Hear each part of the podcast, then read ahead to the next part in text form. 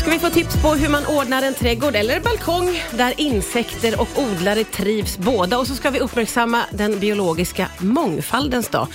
Då är det självklart en person jag säger välkommen till och det är trädgårdsmästare Linda Kjellén. Välkommen tillbaka. Ja, men tackar så mycket. Du, eh, okej, så det finns en biologiska mångfaldens dag. Ja. Och den infaller snart förstår jag det som. Ja, den infaller på söndag. Ja, och Ja. vad är det som uppmärksammas? Nej, men då uppmärksammas det på att vi behöver tänka mera på variation utav växter som vi odlar som lockar en variation utav olika djur och insekter till våra trädgårdar och balkonger och altaner som du sa. Ja. Och på det sättet så skapar vi en fin balans, en frisk och sund trädgård där vi inte behöver ha några eh, gifter för att eh, skadedjursbekämpa till exempel. Nej. Det här med insekter och bin och fjärilar, vi vet ju att det är viktigt, men varför, är, varför ska man tänka på det här? Jo, men alltså, eh, så här. Om vi vill öka skörden, då behöver vi pollinera det. Alltså så är det. Mm, ja, men, mm. Om jag drar en jättetydligt så här, exempel. Har man, odlar man ärtor, sockerärtor till exempel, då vill man ha massa, massa små ärtor i baljan. Och Då kan man titta på, får man inte så många ärtor i den där baljan, då kan det vara ett tecken på att man inte har tillräckligt med pollinatörer i trädgården. mm. För ungefär lika så här generellt, lika många gånger som den där blomman har blivit eh, så här pollinerad, Ja. lika många ärtor ligger i skivan. Är det sant? Kan man se det så? Nej, vad roligt. Ja, lite generellt så kan ja, man ja, säga. Ja. Eh, men då vill man ju naturligtvis eh, få konkreta tips på hur man ska bete sig eh, för att trädgården, eller balkongen, eller altanen eller vad man nu har, ska bli så trevlig som möjligt för alla inblandade. Då. Hur ska vi tänka? Ja, det bästa är att om man skapar en trädgård så här, i syfte för biologisk mångfald, då skapar man också en väldigt trevlig plats för oss som odlare att vara i. Och det gillar vi. Det gillar vi. Ja. Ah, Okej, om jag säger det första, då säger jag vindskydd. Okej. Ja, alltså, tänk att kliva in i en trädgård eller på en balkong där det är vindskydd och solen skiner eller gassar liksom varmt och skönt. Och Det där vindskyddet, det gör ju att våra då insekter, pollinerarna till exempel, de blåser ju inte iväg när det kommer en vindpust, Aj, aj, utan de aj. stannar kvar på balkongen Ja, okej. eller trädgården. Ja, ja. Och dessutom, ju mer det blåser, desto mer vatten behöver våra växter. För de avdunstar ju då i bladen. Ja. Så att har vi vindskydd, då går det inte heller inte åt lika mycket vatten. Okej, Mm. det finns väldigt många fördelar med vindskydd. Man börjar där. Börja med vindskyddet. Ja. Va, hur går vi Eh, vidare? Jo, men och då kan det också vara läge att vi även får in alltså vindskydd som är vintergröna. Mhm. Ja, alltså, vi tänker kanske mycket vintergröna häckar eller vintergröna klätterväxter, murgrönor till exempel. Eller, Mm. och I de här vintergröna växterna, där trivs också våra nyttodjur som övervintringsplatser. Ah, ja, ja. Ja, så de behöver ju också ha plats att övervintra någonstans. Ja. Och då har vi också då vintergröna häckar, eller ja, just klätterväxter. det, som funkar för de där små. Året om då helt enkelt. Året Och så är om. de fina för oss Ja, året om. Året om. Ja. Förstår du? Liksom, Ja, så här, ja. Vindskydd, vackert hela året. Win-win. Win-win blir det. Eh, Ja. Vi pratar vidare alldeles strax här på Rix FM. Riks FM. Ja, det är chockartade informationer som kommer här. Eh, Det är Linda Kjellén, Oj. trädgårdsmästare, som är här och vi pratar om eh, hur man ser till att få en trädgård eller balkong som passar för både odlare och insekter. Eh, Under låten här så berättade jag om hur jag ligger efter min egen odling. Det var därför Linda blev så chockad. Ja, men jag blir ju chockad över att du inte har börjat att förodla dina dahlior. Nej, jag vet. Jag ligger efter med allting och jag önskar nästan att jag inte hade sagt något för jag skäms nu. Det känns inte bra det här. Aj, aj, aj. Men vi är ju inne på att få tips på då hur man ska se till då att vi kan trivas, både vi som odlar och de små viktiga insekterna. Och vi har tagit avstamp i vindskydd eh, och eh, lite vintergröna växter.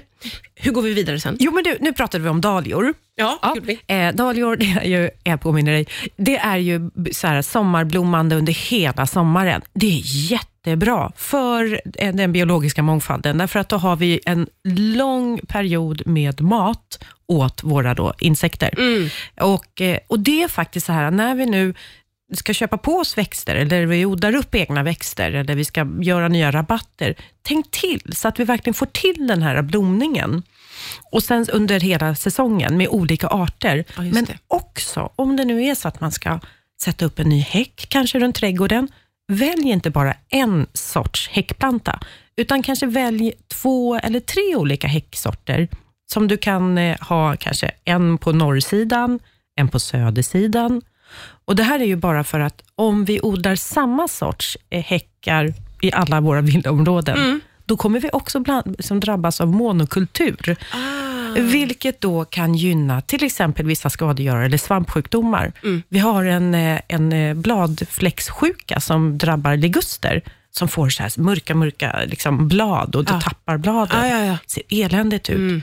Det är som ett resultat för att vi har överanvänt den ligusten som en häckväxt. Ja, Okej, så där ska man tänka lite bredare. Bredare. Ja. För gör man det, det är då man får den här balansen, att vi blandar lite olika sorter och slutar att vara monokultur bara. Vi behöver just vara blandat. Ja, och, och så ska, man tänka, ska man tänka så lite generellt, tycker du, när Ja. man ja, är i trädgården Ja. på sin balkong? Precis. Bredda. Bredda Ja. och blanda. Ja.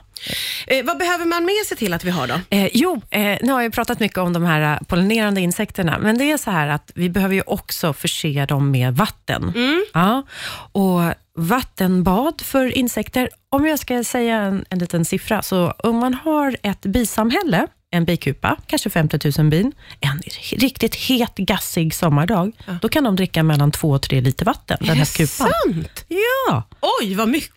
Mm, och förstå hur många solitärbin, alltså så här, eh, som vi har vilda bin, Ja. hur mycket vatten inte de behöver då. Ja, ja, ja. Så där kan man verkligen hjälpa till. Ja, ut och sätt lite så här, så att de får lite små vatten. Och även då för småfåglarna, så att de kan Ja, liksom, gå dit och bada. För när småfåglarna har badat, då blir de ju lite som vi, hungriga. Och då går de loss och äter bladlöss. Jag älskar att allt eh, liksom hör ihop och är underbar bara.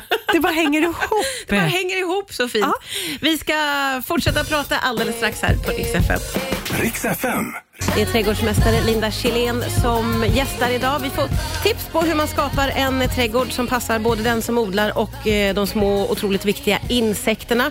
Det finns några punkter kvar på listan som vi ska få med. Vad, vad går vi vidare med här, Linda? Eh, Men ska vi prata om eh, den grävfria jorden? Ja. Ja, det gör vi. Eh, jo, Vad säger vi om den grävfria jorden? Nej, men vi säger så här, ställ undan spaden. Ja. och sen så när vi jobbar med vår jord, då jobbar vi hela tiden ovanifrån. Så låt säga nu att ni har pallkragar som ni förra året odlade, kanske grönsaker och sommarblommor i.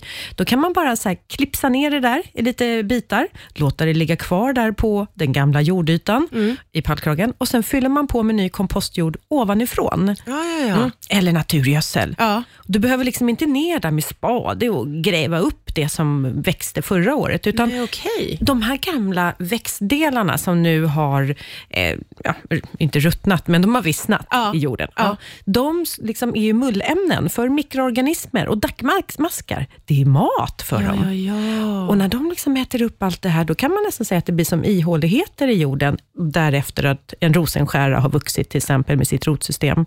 Och då får vi en luftig jord, tack Jaha. vare växterna. Men gud, är det så? Jag trodde Ja. att det är liksom, att man skulle ta bort och jofsa runt där. Nej, Nej, nej, nej, nej. Och det är faktiskt så här, börjar vi liksom att gräva för mycket i våra jordar, jag menar de binder ju kol. Så Ja. det är också så här, då släpper vi upp det i, i luften igen. och Just det. är ju inget bra. Vi ska Nej. ju liksom binda det här. Ja. Så att, eh, lägg undan spaden och sen så bara jordförbättrar vi ovanifrån. Ja, ja, ja. Bra sak att ta med sig. Verkligen. Eh, är det någonting mer vi behöver få med här? Nu har vi fått många bra punkter. Ja, jag kan väl säga så här då, om vi nu får in de här djuren som är så viktiga i våra trädgårdar, då är det ju boplatser åt dem. Ut med fågelholkar, det skulle man gjort ännu tidigare, men man, det är aldrig fel. Utan ut med fågelholkar, Ja. ut med insektshotell, Yes. eh, humlebostäder, alltså ut och så att bjud in dem. Ja. Ja. Jag kan inte släppa iväg dig innan vi har pratat om det faktum att det idag är en viktig dag som du vill eh, högtidlighålla. Vad är det för dag idag? Nej, men jag vill säga hipp hipp hurra för skottkärran idag. Älskar att du firar skottkärran, men den är ju viktig i en Ja, trädgård. men, du, alltså den där skottkärran, den har besparat mig min rygg och alltså min kropp och oj, oj, oj vad den hjälper mig på traven dagligen som trädgårdsmästare. Och jag är så glad över att skottkärran har en egen dag. Ja, det var jättefint. Då får vi fira skottkärran lite extra idag Ja, helt enkelt. Tack snälla Linda Kjellén för att du kom hit idag. Tack.